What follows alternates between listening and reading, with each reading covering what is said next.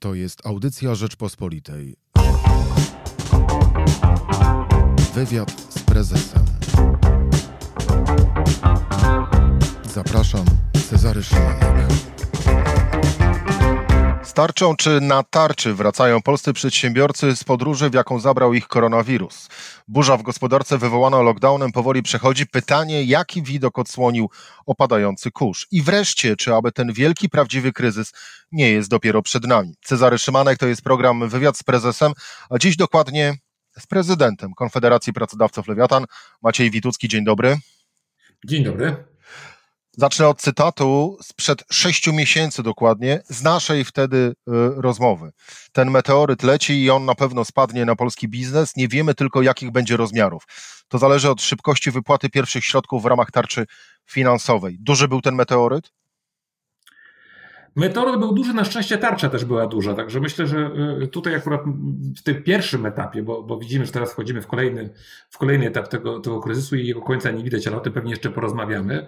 Y, na szczęście tarcze y, wdrożone przez, przez rząd, w szczególności te, te, te, elementy finansowe, bo oczywiście już nie będę wracał do narzekania, że przy okazji spod dywanu wyskakiwały nam tam różne, różne niespodzianki, ale jednak ogólnie rzecz biorąc, najpierw ta pierwsza pomoc dla mniejszych firm, zwolnienia z ZUS-u, a później ta tarcza PFR-owska dla małych i średnich, bo do tej, do tej dużej to jeszcze, jeszcze zobaczymy, co z, niej, co z niej dostaniemy, co z niej dostaną firmy. One rzeczywiście mocno osłoniły nas przed tą pierwszą, pierwszym uderzeniem, przed uderzeniem, które wynikało z lockdownu.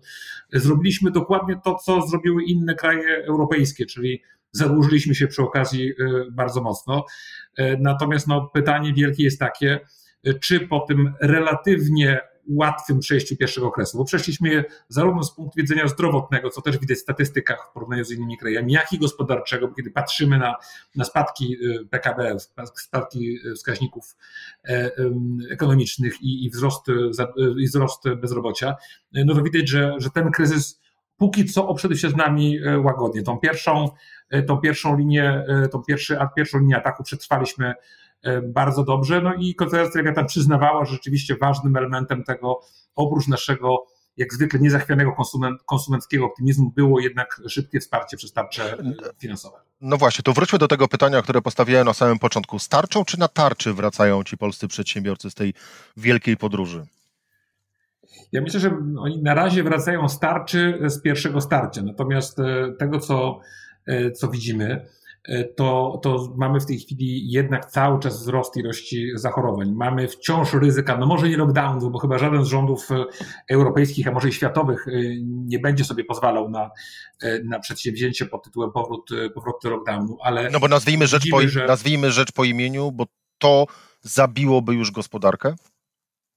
Bo myślę, że większość rządów nie, mają, nie ma na to, nie ma pieniędzy na dalsze wsparcie. Czy zabiło? Nie wiem, ale na pewno spowodowałoby to dramatyczny kryzys gospodarczy, y, a, a rzeczywiście poziomy zadłużenia w Polsce są wciąż jednak chronione limitami, y, limitami konstytucyjnymi, więc relatywnie niskie w stosunku do, do, do, do innych krajów europejskich, ale w większości krajów europejskich one już są właściwie nieprzekraczalne. Dalej nie można pójść dodrukowano mnóstwo pieniędzy, zaciągnięto mnóstwo długów. Gdyby teraz jeszcze e, próbowano dalej ciągnąć e, dług, to pewnie e, no, zachwiałoby to całym systemem, globalnym systemem finansowym, więc nie ma pieniędzy na, na dalszą pomoc. Poza tym też chyba nie ma z drugiej strony jakby już gospodarczej, takiej czysto gospodarczej odporności. No dzisiaj zatrzymanie po raz kolejny firm, po raz kolejny zerwanie tych, tych legendarnych, już tak często omawianych łańcuchów, łańcuchów dostaw, dostaw mogłoby spowodować, że wiele firm nie, nie stanęłoby już na, na nogi. I tak dzisiaj nie mam jeszcze pewności. Trzeba pamiętać, że e, te pomoce, które, które firmy dostały w tych ostatnich sześciu miesiącach, one pomogły zarówno tym, którzy bardzo tej pomocy potrzebowali i którzy wyjdą z tego kryzysu, no miejmy nadzieję, że on nie będzie się pogłębiał dramatycznie, e, wyjdą z niego właśnie dzięki pomocy e, w miarę obronną ręką. Z drugiej strony ta pomoc trafiła też, ponieważ ona była bardzo szybko wydawana i to było normalne i, i, pożyteczne, no to one zasiliła też e, firmy, które pewnie w międzyczasie same by już upadły, więc w tej chwili będziemy mieli do czynienia w ciągu najbliższych 6-9 miesięcy z taką skumulowaną falą. Z jednej strony firmy, które przeżyły tylko dlatego, że dostały niespodziewaną mannę w postaci e, pomocy publicznej, no i firmy, które mają przed sobą jeszcze kłopoty wynikające z wciąż ciągnącej się pandemii. No właśnie, panie prezydencie, co ten kurz po tej burzy lockdownu opadający Jaki on obraz polskiego biznesu odsłonił? Myślę, że polskiego biznesu jak zwykle, po, po, pierwsze, jak zwykle doskonały obraz polskiego konsumenta. Czy polski konsument jest absolutnym patriotą i widać, że rzeczywiście zarówno w tym kryzysie pierwszym finansowym 2008-2009, jak i w tym y, nasz y, taki wrodzony optymizm i, zdolność do bardzo szybkiego powrotu do konsumpcji wewnętrznej y, spowodowały, że, że chronimy w ten sposób naszą E, e, naszą gospodarkę. E, z drugiej strony firmy polskie pokazały, że absolutnie mają umiejętność takiego szybkiego, elastycznego dopasowywania się do, do, do warunków kryzysowych. Przy okazji okazało się że na szczęście nie jesteśmy już tak zależni od bezpośrednio od gospodarki niemieckiej, jak myśleliśmy, bo rzeczywiście to, to tkwiło takie w naszym powszechnym wyobrażeniu, ogólnym wyobrażeniu, ten bezpośredni związek między Polską a Niemcami. Okazuje się, że, że dywersyfikacja naszych biznesów, w pewnym sensie słabość, ten brak wielkich chociażby fabryk e, przemysłu motoryzacyjnego, które są w Czechach, Słowacji czy, e, czy na Węgrzech, spowodowały, że e, żebyśmy stosunkowo jakby niezależnie tę, tą, tą chorobę tego wirusa przechodzili i, i lżej niż większość gospodarek zachodnich. Także polscy, polscy biznesmeni okazali się jak zwykle bardzo elastyczni. Polskie państwo okazało się w tych podstawowych elementach pomocowych bardzo szybkie i bardzo sprawne. Tutaj E, to doświadczenie pewnie z 500 plus przeniesione na błyskawiczne, takie 500 plus dla firm, e, spowodowało, że jednak bardzo wiele firm skorzystało. No i teraz to, czego potrzebujemy, to żeby nawet jeśli wiemy, że tych dodatkowych pieniędzy już nie ma ich specjalnie nie będzie, no to żebyśmy tego efektu takiego w miarę spokojnego przejścia przez pierwszą część pandemii nie psuli legislacją. A tu już nie mam pewności, że że dokładnie e, to mamy przed sobą. Mieliśmy w tej chwili ten dwu, trzy tygodniowy spektakl takiego zawieszonego rządu, czyli w środku e, tego przerastającego ilości, przerastającej ilości chorych na, na koronawirusa. Mieliśmy to zawirowanie i całe to teatrum, które, które spowodowało rzeczywiście koncentrację rządzących w dużej części na nich samych, bardziej niż na gospodarce. No i co, przedsiębiorcy, Mamy... przedsiębiorcy się z tego ucieszyli, że rząd zajął się tylko sobą? Wie pan co, tak naprawdę, kiedy sobie myślę, że podobno od soboty nie zajmuje się już tylko sobą i dzisiaj e, przez posiedzenie rządu przeszedł jednak e, pomysł z podwójnym opodatkowaniem spółek komandytowych, to teraz nie bardzo, panie redaktorze, wiem, którą z wersji wolę. E, czy tą, w której e, rządu właściwie w pewnym sensie nie mieliśmy przez chwilę, e, czy tą, w której on raptem wraca do funkcjonowania, no i zaskakuje nas dzisiaj. No czekamy jeszcze na tekst, ponieważ to, co wiemy, to, to słynne, to przypomnę wszystkim Państwu, że chodzi o to, iż w spółkach komandytowych, w formie, która rozpowszechniła się dość, dość mocno na naszym, na naszym rynku gospodarczym, mamy ich kilkadziesiąt tysięcy, raptem okazało się, że z powodu kilku czy kilkunastu, no w każdym razie nielicznych przypadków nadużywania tej struktury do jakiejś optymalizacji, agresywnej optymalizacji podatkowej, rząd postanowił, e, że spółki komandytowe będą, czy, czy właściciele spółek komandytowych będą opodatkowani podwójnie, dwa razy po 19% w imię uszczelnienia systemu podatkowego, czyli w imię e, tych nielicznych przypadków, skoro, skoro one istniały, to, to zakładam, że można je było wyłapać. No raptem wyrzucono e, z kąpielą całość, ponieważ to opodatkowanie będzie podwójne, czyli dwa razy po 19%, co oznacza mnóstwo pracy dla firmy, mnóstwo pracy dla prawników po to, żeby te, zakładam, że jeśli ten projekt się potwierdzi w Sejmie, e, to, to dla firm prawniczych, żeby znowu przekształcać to, a przede wszystkim to jest najgorsze, e, to jest zachwianie zaufaniem, no bo to, co jest w biznesie najważniejsze, to inwestycje. Żeby były inwestycje, to, to przedsiębiorcy jednak muszą mieć zaufanie do tego, że te inwestycje zrobione dzisiaj w jakichś warunkach prawnych, jutro będą w tych samych warunkach prawnych przynosiły przynosiły zyski. Jeśli dzisiaj dowiadujemy się, że mogliśmy założyć w dobrej wierze, nie po to, żeby nie płacić podatków, w dobrej wierze założyć spółkę komandytową, y, a, a jutro obudzić się z tą spółką podwójnie opodatkowaną, no to nie zachęca do tego, żebyśmy te, te biznesowe pieniądze dalej wrzucali w gospodarkę. No to w takim razie jednak powtórzę to pytanie i będzie musiał pan, e, właściwie bardzo poproszę o jedną i jasną odpowiedź. Lepiej było, gdy e, rząd zajmował się samym sobą? Nie było dobrze, kiedy rząd zajmował się samym sobą, ponieważ brakowało nam e, interakcji, brakowało nam e, działania. No dzisiaj mamy pierwszy dzień, kiedy mamy już e, to, to porozumienie podpisane w sobotę. Sympatycznie w ogóle byłoby je może przeczytać, zobaczyć jakieś informacje na jego temat już takie konkretne. No ale w związku z tym, że rząd wrócił do pracy, to mamy potencjalnie złą wiadomość o podwójnym opodatkowaniu. Raz jeszcze potencjalnie, ponieważ wiemy, że ten projekt przeszedł przez obrady rządu, natomiast y, rząd z nieznanych dla mnie póki co powodów nie umieścił tego projektu na swoich stronach, więc powstaje jeszcze jakiś drobny procent szans na to, że ten rząd, który wrócił do pracy po sobotnich y, wydarzeniach medialnych, być może jednak aż tak złego sygnału nie wyśle. Ale panie rektorze, no nie, mam dobrej, nie mam dobrej odpowiedzi. No było, była dziura i mieliśmy sytuację trochę takiego bezkrólewia przez, przez, przez te, w czasie tych dyskusji czysto politycznych no a w tej chwili wracamy, tylko wracamy też do, do, do, sytuacji, w której bez dialogu, i to jest dla mnie najgorsze element, to, co się nie zmieni, panie redaktorze, z rządem, który skupia się na sobie, albo nie skupia się, albo skupia się na, na ewentualnym działaniu, to jest to, że decyzje podejmowane są o nas bez nas, a to nie jest dobre rozwiązanie, bo należałoby jednak założyć, że biznes coś wie na temat prowadzenia biznesu i że dobrze byłoby z nami i z pozostałymi partnerami społecznymi czasami porozmawiać przed prowadzeniem decyzji. Ale może jest tak, że po prostu biznes coś wie na temat prowadzenia biznesu, ale nie wie tego, co powinien wiedzieć zdaniem rządzących, e, panie prezydencie. E, to taka mała e, dygresja, ale skoro dotknął pan polityki, jak pan, albo inaczej, uroni pan łezkę za wicepremier Jadwigą Emilewicz? Tak, zdecydowanie tak. To, to, to była jakby porównaniu do znanych mi, może nie z tego stanowiska, ale w porównaniu do znanych mi e, osób na tym albo podobnych stanowiskach, bo tutaj ten zakres odpowiedzialności się zmieniał, e, z panią premierem Milewicz zdecydowanie bardzo dobrze się rozmawiało. To właśnie była taka, taka e, jasna, jasna plama na tym, na tym ogólnym obrazie, na którym dialog zdecydowanie nie był, nie był promowany, to rzeczywiście z panią premierem Milewicz przynajmniej można było rozmawiać. Nie zawsze nasze uwagi były uwzględniane, często gdzieś tam później w czeluściach administracji y, się, y, się gubiły, ale mieliśmy osobę do rozmowy, mieliśmy osobę do przedstawiania argumentów, w związku z czym zdecydowanie tak. No i mam nadzieję, że, że tutaj to dziedzictwo ten, i ten pomysł na prowadzenie resortu będzie kontynuowany z, z panem, jak zakładam, z panem premierem Gowinem. No właśnie, i uprzedził Pan moje pytanie. Bukietem kwiatów z kolei powitacie superministra Jarosława Gowina? Ja, ja, myślę, że bez względu na, na, na, polityczny rozwód, jak rozumiem, który nastąpił w ten weekend między panią premierem a panem premierem, e, to, to myślę, że to są podobne korzenie, czyli to są, to są dwie osoby, które mają jednak korzenie liberalne i, i mają korzenie zwrócone w kierunku e, gospodarki.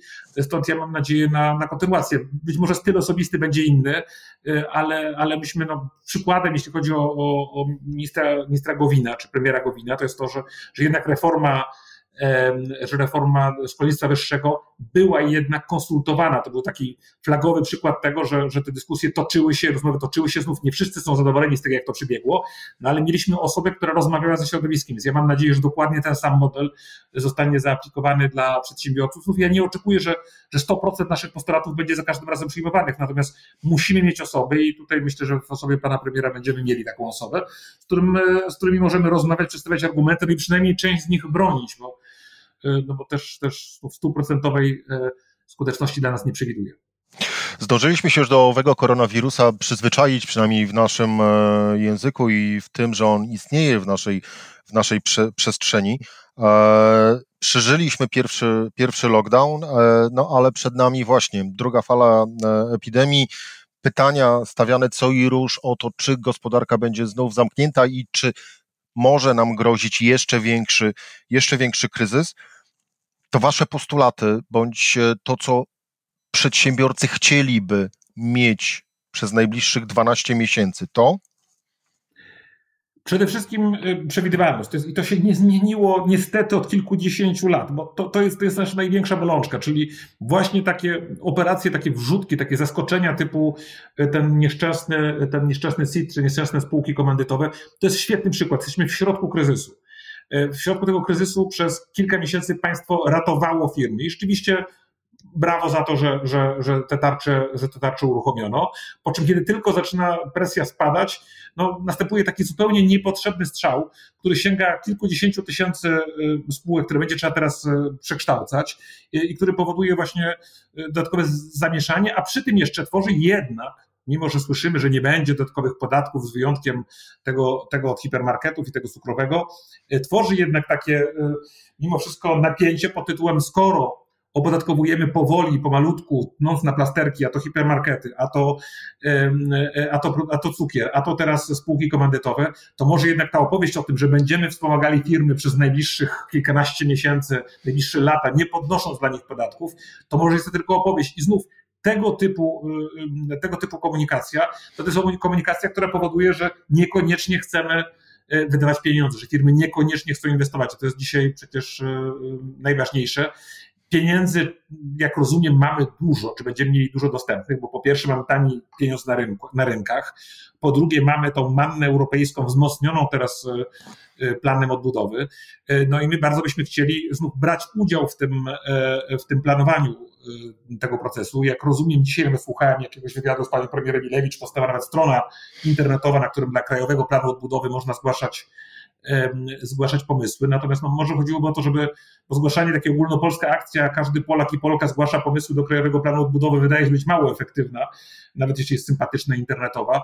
Pewnie trzeba poważnej dyskusji już z nowym, e, już nową, z nowym rządem, bo to nie tylko resort rozwoju, ale tam jest przecież bardzo duży, mamy nadzieję, że bardzo dużym składnikiem będzie zielona, e, będą zielone technologie, czyli to, co stanie się, a nie wiemy, co stanie się z resortem klimatu i resortem środowiska. Nam się z klimatem bardzo dobrze też rozmawiało, tam bardzo wiele rzeczy się działo w międzyczasie. Mam nadzieję, że ten, ten element również będzie będzie kontynuowany, bo, bo jeszcze raz, pieniądze i kapitał są. I teraz, żeby kapitał prywatny został uruchomiony, potrzebujemy spokoju, czyli niestraszenia przedsiębiorców podatkami i zmianami regulacyjnymi. Natomiast, żeby uruchomić ten kapitał y, europejski, y, no jakieś rozsądnie razem zbudowanej strategii opartej oczywiście o to, co, co dzisiaj po pierwsze jest modne, a drugie potrzebne, czyli zielone technologie, cyfryzację i, i takie osiągalne dla nas innowacje, bo kiedy ja słyszę o tym, że naszym filarem rozwoju będzie e, przemysł kosmiczny, to wydaje mi się to jednak dość kosmiczny pomysł. E, wydaje mi się, że, że rzeczywiście oceniając realnie nasze szanse innowacyjne, to nie stawiałbym tego jako podstawowego filaru naszej, e, naszego rozwoju. Zostawmy kosmos na boku, wróćmy na Ziemię. Premier Mateusz Morawiecki, prezentując budżet na 2021 rok, powiedział, że to będzie bardzo dobry rok dla Polski, dla polskich przedsiębiorców i wszystkich Polaków. To był cytat, a pan traktuje to jako żart czy jako dobrą monetę? Ja traktuję to jako deklarację polityczną. Y, I, do której nie należy się przywiązywać. Y, do której, myślę, co do której y, no, nikt nie ma elementów, żeby ją potwierdzić jako rzeczywiście taką pewną perspektywę dla, dla Polski. Jesteśmy w sytuacji, w której no, rozmawialiśmy na początku, tak? Przyrastają nam ilości, ilości wypadków COVID-u w całej, w całej Europie. Nie wiemy, jak to wpłynie na, na globalną, oczywiście na całym świecie. Nie wiemy, jak to wpłynie na gospodarkę globalną. Mamy zawirowania e, globalne, chociażby wybory w Stanach Zjednoczonych i, e, no i ciąg dalszy amerykańsko-chińskiej wojny, e, wojny gospodarczej. Mamy jakby gospodarkę europejską, łącznie z budżetami europejskimi, które również są jakoś zarysowane, ale jeszcze przecież nie, nie zatwierdzone. Stąd myślę, że ta deklaracja, tą deklarację pana premiera traktowałbym raczej jako życzenie dla nas wszystkich E, niż jako, e, niż jako takie zapewnienie, czy jakby deklarację, którą można brać w 100% jako, jako pewną. Natomiast, żeby ona się jak najbardziej zbliżyła do, do realiów, e, no to musimy pilnować tego, żeby życia tym przedsiębiorcom przynajmniej nie utrudniać. Y, no dobrze, ale to mówiliśmy, mówiliśmy już o przewidywalności, bo to, to, że pieniądze na rynku są, y, to y, zgadzamy się obydwaj, czy to z tarcz finansowych, czy też no właśnie z samego faktu, że pieniądz na rynku po prostu jest i jest tani, e, czyli powszechnie i szeroko dostępny dla, dla biznesu. To co jeszcze potrzeba oprócz owej przewidywalności, żeby było, e, żebyśmy nie używali słowa kryzys? No myślę, że do słowa kryzys to musimy się jednak przyzwyczaić. Znaczy tutaj marzenie o tym, że, że przyszły rok będzie już rokiem spokoju, myślę, że pamiętajmy o tym, że nawet przyjmując, że w przyszłym roku mamy e, in plus zyskać tyle wzrostu PKB, ile straciliśmy, ile stracimy w roku bieżącym, no to i tak znajdziemy się gdzieś w okolicach przełomu roku 18 i 19, jeśli chodzi o ogólne ogólną sytuację. Mamy kilka dobrych elementów. Znaczy to, żeby tak zacznijmy od tych elementów dobrych. Chociażby to, że zmieniło się zupełnie nastawienie do zielonej energii. Jeszcze rok, półtora roku temu słyszeliśmy o 200 latach polskiego węgla. Dzisiaj mamy ich tak na otwarcie e, e, negocjacji 29, to już jest e, dużo lepsza, to jest naprawdę gigantyczna poprawa tej sytuacji. To oznacza, że wchodzimy właśnie w okres y, wzmożonego, wzmożonego rozwoju y, zielonych technologii. Te zielone technologie, i to jest znów dobry punkt, y, jak widać, jak widać z tego, co, co widzimy, w, przynajmniej w zamiarach, planach rządowych, no one mają się stać też osią tych przyszłych budżetów, po to, żeby to nie były zielone technologie polegające tylko na tym, że będziemy sprowadzać panele skrzydełka i turbiny z zagranicy, ale żeby te właśnie te technologie w naszym zasięgu, bo myślę, że właśnie fotowoltaika czy, czy farmy wiatrakowe to są, to są dokładnie takie technologie, które możemy osiągnąć dużo szybciej niż polska rakieta kosmiczna. przepraszam, że będę katował ten, te projekty kosmiczne, one oczywiście są, są, są, są ważne, ale jednak niszowe i my możemy wysyłać własne satelity, ale, ale na tym pewnie się to skończy. Natomiast wracając do, tego, do tych impulsów, to państwo oczywiście musi pomagać i to państwo musi pomagać poprzez regulację, bo pieniędzy już nie ma. Spaliliśmy je i słusznie na pomoc e, w szczycie kryzysu. Dzisiaj potrzebujemy ułatwień dla tych, dla tych branży i te ułatwienia oznaczają znów ułatwienia no, najczęściej regulacyjne i fiskalne. Czyli stwierdzenie, że jeśli będziemy, jeśli polskie firmy, czy zagraniczne firmy, firmy działające w Polsce, inwestujące w Polsce, będą chciały rozwijać zielone technologie, będą chciały inwestować w cyfryzację, to dostaną od państwa w prezencie i zazwyczaj to, co mogą dostać, to są e, ulgi podatkowe, to, są, to jest wsparcie w procesach. Pan premier ogłosił i chyba pani premier Emilewicz również razem ogłaszali e, te paszporty VIP-owskie dla nowych inwestorów.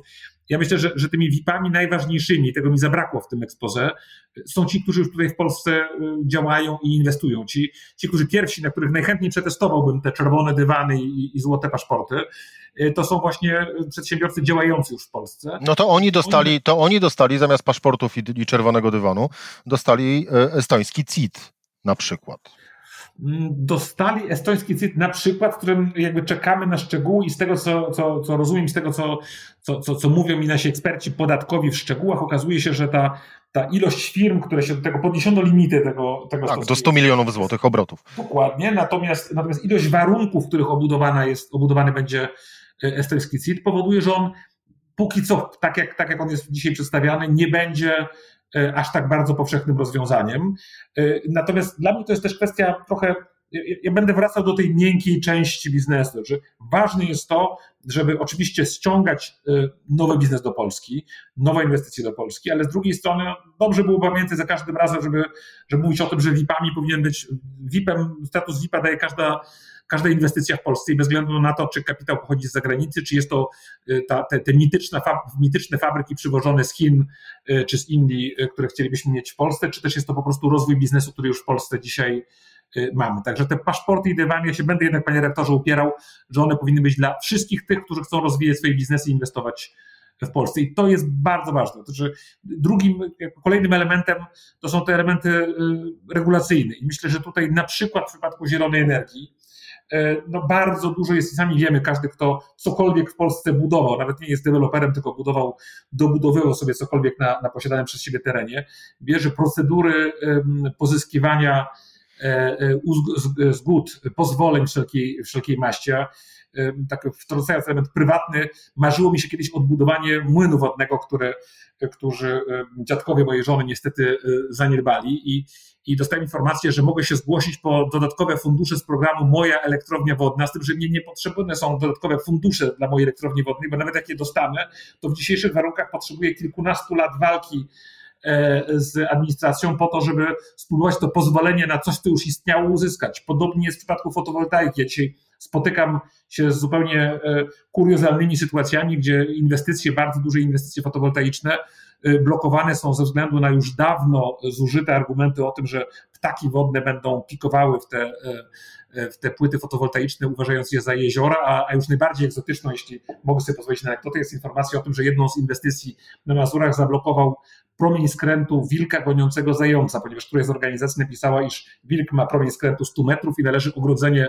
farmy odsunąć 100 metrów od ogrodzenia. I tutaj trzeba pomóc żeby nam się rozwijała ta zielona energia, to potrzebujemy jasnych procedur, w których ktoś, kto kupi e, ziemię o określonej e, kategorii, czyli nie tą najlepszą, tylko jakąś słaby, słabą ziemię, której ta słaba ziemia nie będzie w naturze 2000, nie będzie na pokładzie złota albo też gazu łupkowego, jeśli kto woli, i nie będzie przez nią przebiegała jakaś plan jakiejś drogi, to ta osoba czy ta firma będzie mogła w prosty sposób ten kawałek ziemi przerobić na ziemię, która produkuje zieloną, zieloną energię. Właśnie takie przygotowane pakiety inwestycyjne to byłyby rozwiązania, które na pewno przyspieszyłyby z jednej strony rozwój technologii, a z drugiej strony też no jakby tą transformację, której potrzebujemy, no bo węgiel za 29 lat, przypominam, nam się skończy ale tylko w polskiej grupie e, górniczej. E, kończy nam się również powoli nasza e, audycja i na koniec ostatnie pytanie, tak już sięgając do osobistych doświadczeń z ostatnich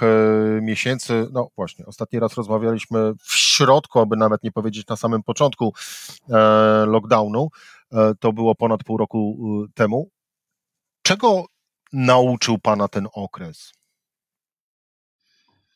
Myślę, że ten okres osoby pracujące w biurach, takie, takie, takie jak ja, na pewno nauczył e, telepracy. To jest, to, jest, to jest niewątpliwie ogromne odkrycie, to jest coś, o czym mówiło się latami. Ja pamiętam, przecież to jest wieczny temat w dużych firmach, w których też pracowałem. To, to był taki, taki wieczna, wieczne marzenie o tym, że, że to kiedyś będzie można zrobić.